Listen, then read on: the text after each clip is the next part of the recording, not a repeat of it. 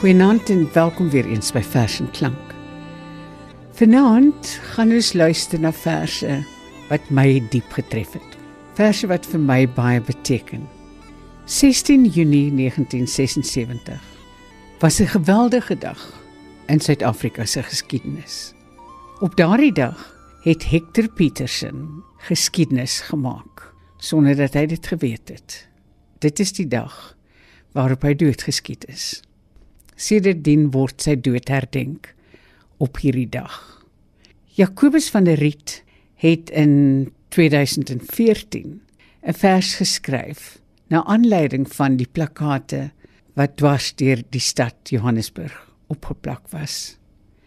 Hy noem die vers op die vooraand van Corpus Christi 16 Junie 1990. Ek het vir Erik Holm gevra om dit vir ons te lees. Kom ons luister. Hector Petersen word weer gedra deur die strate, van lampal na lampal in die arms van Mbuyisa. Hoor hoe roep die plakate, Remember June 16. Hector Petersen lê kop agteroor, so swaar gewond, sy oog gesluier, regterhand geknak oor sy maag, die bloed om sy mond gestol deur die foto. Mbuyisa se mond is van inspanning oopgesper en van afgryse. Hy dra Hector op die hande. Dra hom ver tot in der duisende harte. Hector Petersen is deur drie sarsies verf gestensel teen 'n muur. Swart, groen en geel. Die skoolkind sterf in die arms van Mbuyisa. Hector Petersen word weer gedra deur die strate, sy lyfie vir ewig in die arms van Mbuyisa Makubu. Erik Holm het vir ons Jakobus van der Riet se vers op die vooraand van Corpus Christi 16 Junie 1990 gelees.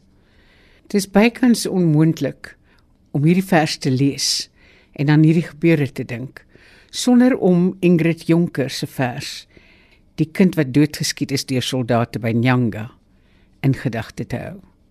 Kom ons luister daarna. Die kind is nie dood nie. Die kind lig sy vuiste teen sy moeder wat Afrika skreeu, skreeu die geur van vryheid en heide in die lokasies van die omsingelde hart.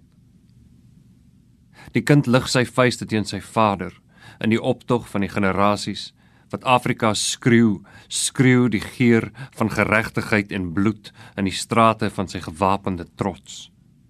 Die kind is nie dood nie. Nog by Langa, nog by Nyanga, nog by Orlando, nog by Sharpeville, nog by die polisiestasie in Philippi waar hy lê met 'n koel deur sy kop. Die kind se skaduwee van die soldate op wag met gewere, sarasene en knippels Die kind is teenwoordig by alle vergaderings en wetgewings. Die kind loer deur die vensters van huise en in die harte van moeders. Die kind wat net wou speel in die son by Nyanga is oral. Die kind wat 'n man geword het, trek deur die ganse Afrika. Die kind wat 'n reus geword het, reis deur die hele wêreld sonder 'n pas.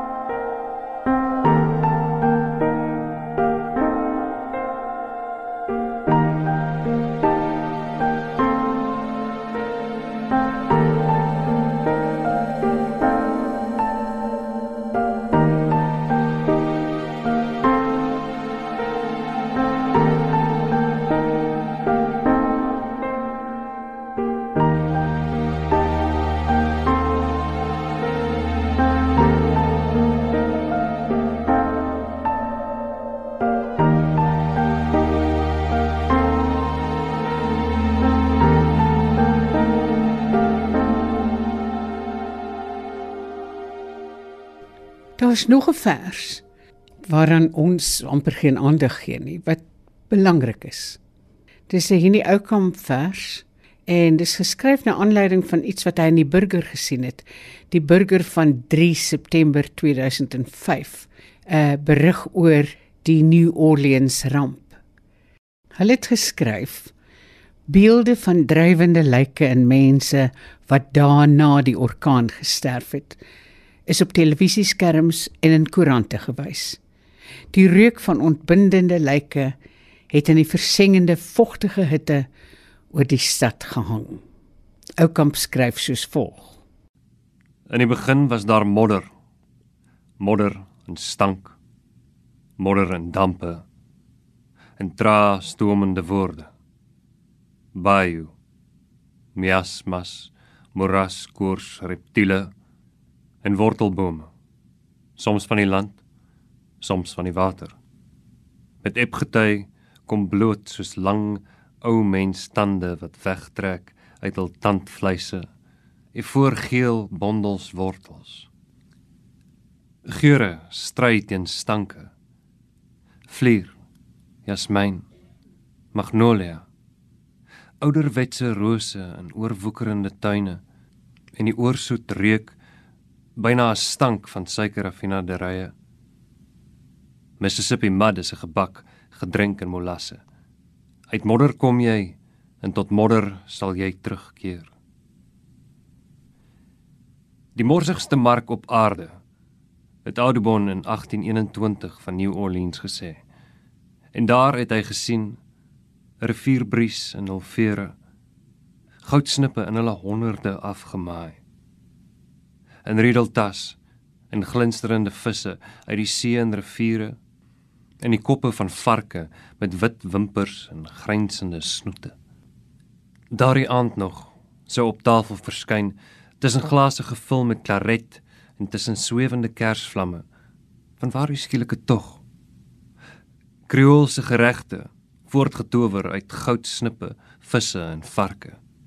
As trofee op halwe damas kyk 'n vark op, kraakhard gebak, glimlaggend verby die appel in sy bek. In New Orleans het Mark Twain beweer, is die beste argitektuur te sien in begrafplaase. Tombes en grafstene van marmer, aangevreet deur mos en skimmel. Barokke gevels en serke waarop sierletters moeilik leesbaar word en groen spaan op smeetysterkrulle. En bo kan die graftes en die reuk van bospaddastoele hang aan die hoë takke. Oumans baarde en wede sluiers. En in die mis van die rivier af kan die opkyker hom verbeel ook die lyke van swart mans aan wurgkoorde wat swaai en draai swaai en draai. Asof beroer deur Nina Simone se stem strange fruit strange fruit op straat en in dubbelhuise en kroë By die mylreusies en die haangevegte is die lewendes en die doodes afgetrokke bewus van mekaar. Elkeen verdiep in eie binnelewe. 'n Eindelose optog mense, bonter as by Ensor. 'n Treiterende smeelende mulat, sy donker vlegsel en karwat se regstreeks in gesprek met sy penis. Hoere, straatverkopers, jazzmusikante, joelende kinders, kruiebrouers hekse en malles. En netjies onder haar kant parasolletjie ingehak by Ten Williams Esquire. 'n Verwelkte skoonheid. Miss Blanche de Bois. En toe kom Bybels die vloed in 2005. En die Mississippi breek deur duike en stiwalle en sleur slotte weg in sy haas om aan te sluit by sy geliefde, die jonger rivier, die snel vloeiende Atchafalaya en stanke het in hemele gestyg van water en modder en opgeblaaste lyke wat soos boeye dryf en ontbind in die son. Wanneer die groot dag eendag kom en die heiliges verby marcheer, Satchmo vooraan, sy oë en wange bol van blaas, sal opstyg, begelei deur borrels uit graftes en uit waters, al die doodes Die hoere met geld opgedraai in hul kouse. Die melankoliese minaresse van landeienaars, die vermoordes en verwrigtes. Play it, Satchmo. Play it sweet and sour. En rig jou trompet na die wolke. Die ou Orleans het nuut geword.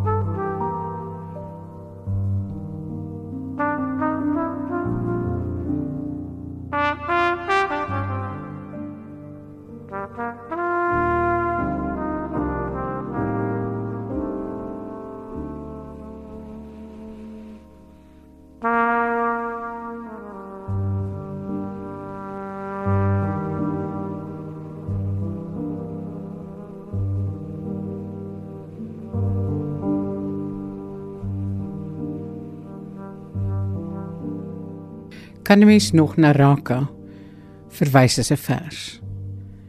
Ek kan nooit nooit ooit genoeg kry van hierdie ongelooflike sterk werk van NP van Wyk Lou nie. Nik die Jager gaan dit vir ons lees. Die koms van Raka. Die vroue het hom die eerste gewaar in die loomnamerig toe die arbeid klaar was. Aan die stampblok in die jong groen landerye en hulle gedrie geviere in dun rye met kruik en geel windligte kalbas op heup en skouer deur die stekerige gras rustig gestap het na die koel sekogate om daar te drentel tot die bruin en laat skemering en die eerste sterre met klam sand en sagte modder om die enkels en die hand om veel te lag en ure te praat of skugterig soms een een uit te waat deur die taai waterblomme naak en blink raka die aapmens. Hy wat nie kan dink, wat swart en donker is, van been en spier 'n lenige boog en enkeld dier. Oor kan die water het hy uitgestap uit die gebreekte riete en soos 'n kind wat om die grap van 'n bont kalbassie tandeloos en stil lag, wit gegryns en neergehurk, gewag.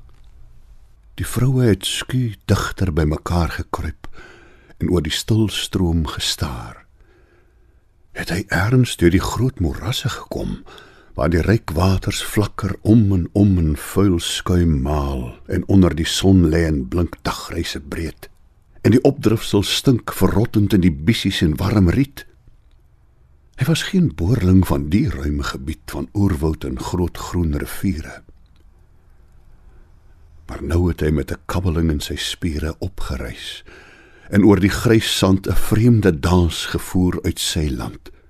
Geil van begeerte van wilde vlug en vang en paring en uitskree onder die dwang van drifte wat geen naam of doel meer ken en toe soos 'n naalloper na die wit lint ren die water afgeskiet en weggeraak waar die bosse ver weg blou gange maak maar teruggekom terwyl die vroue nog stil was van die wonder.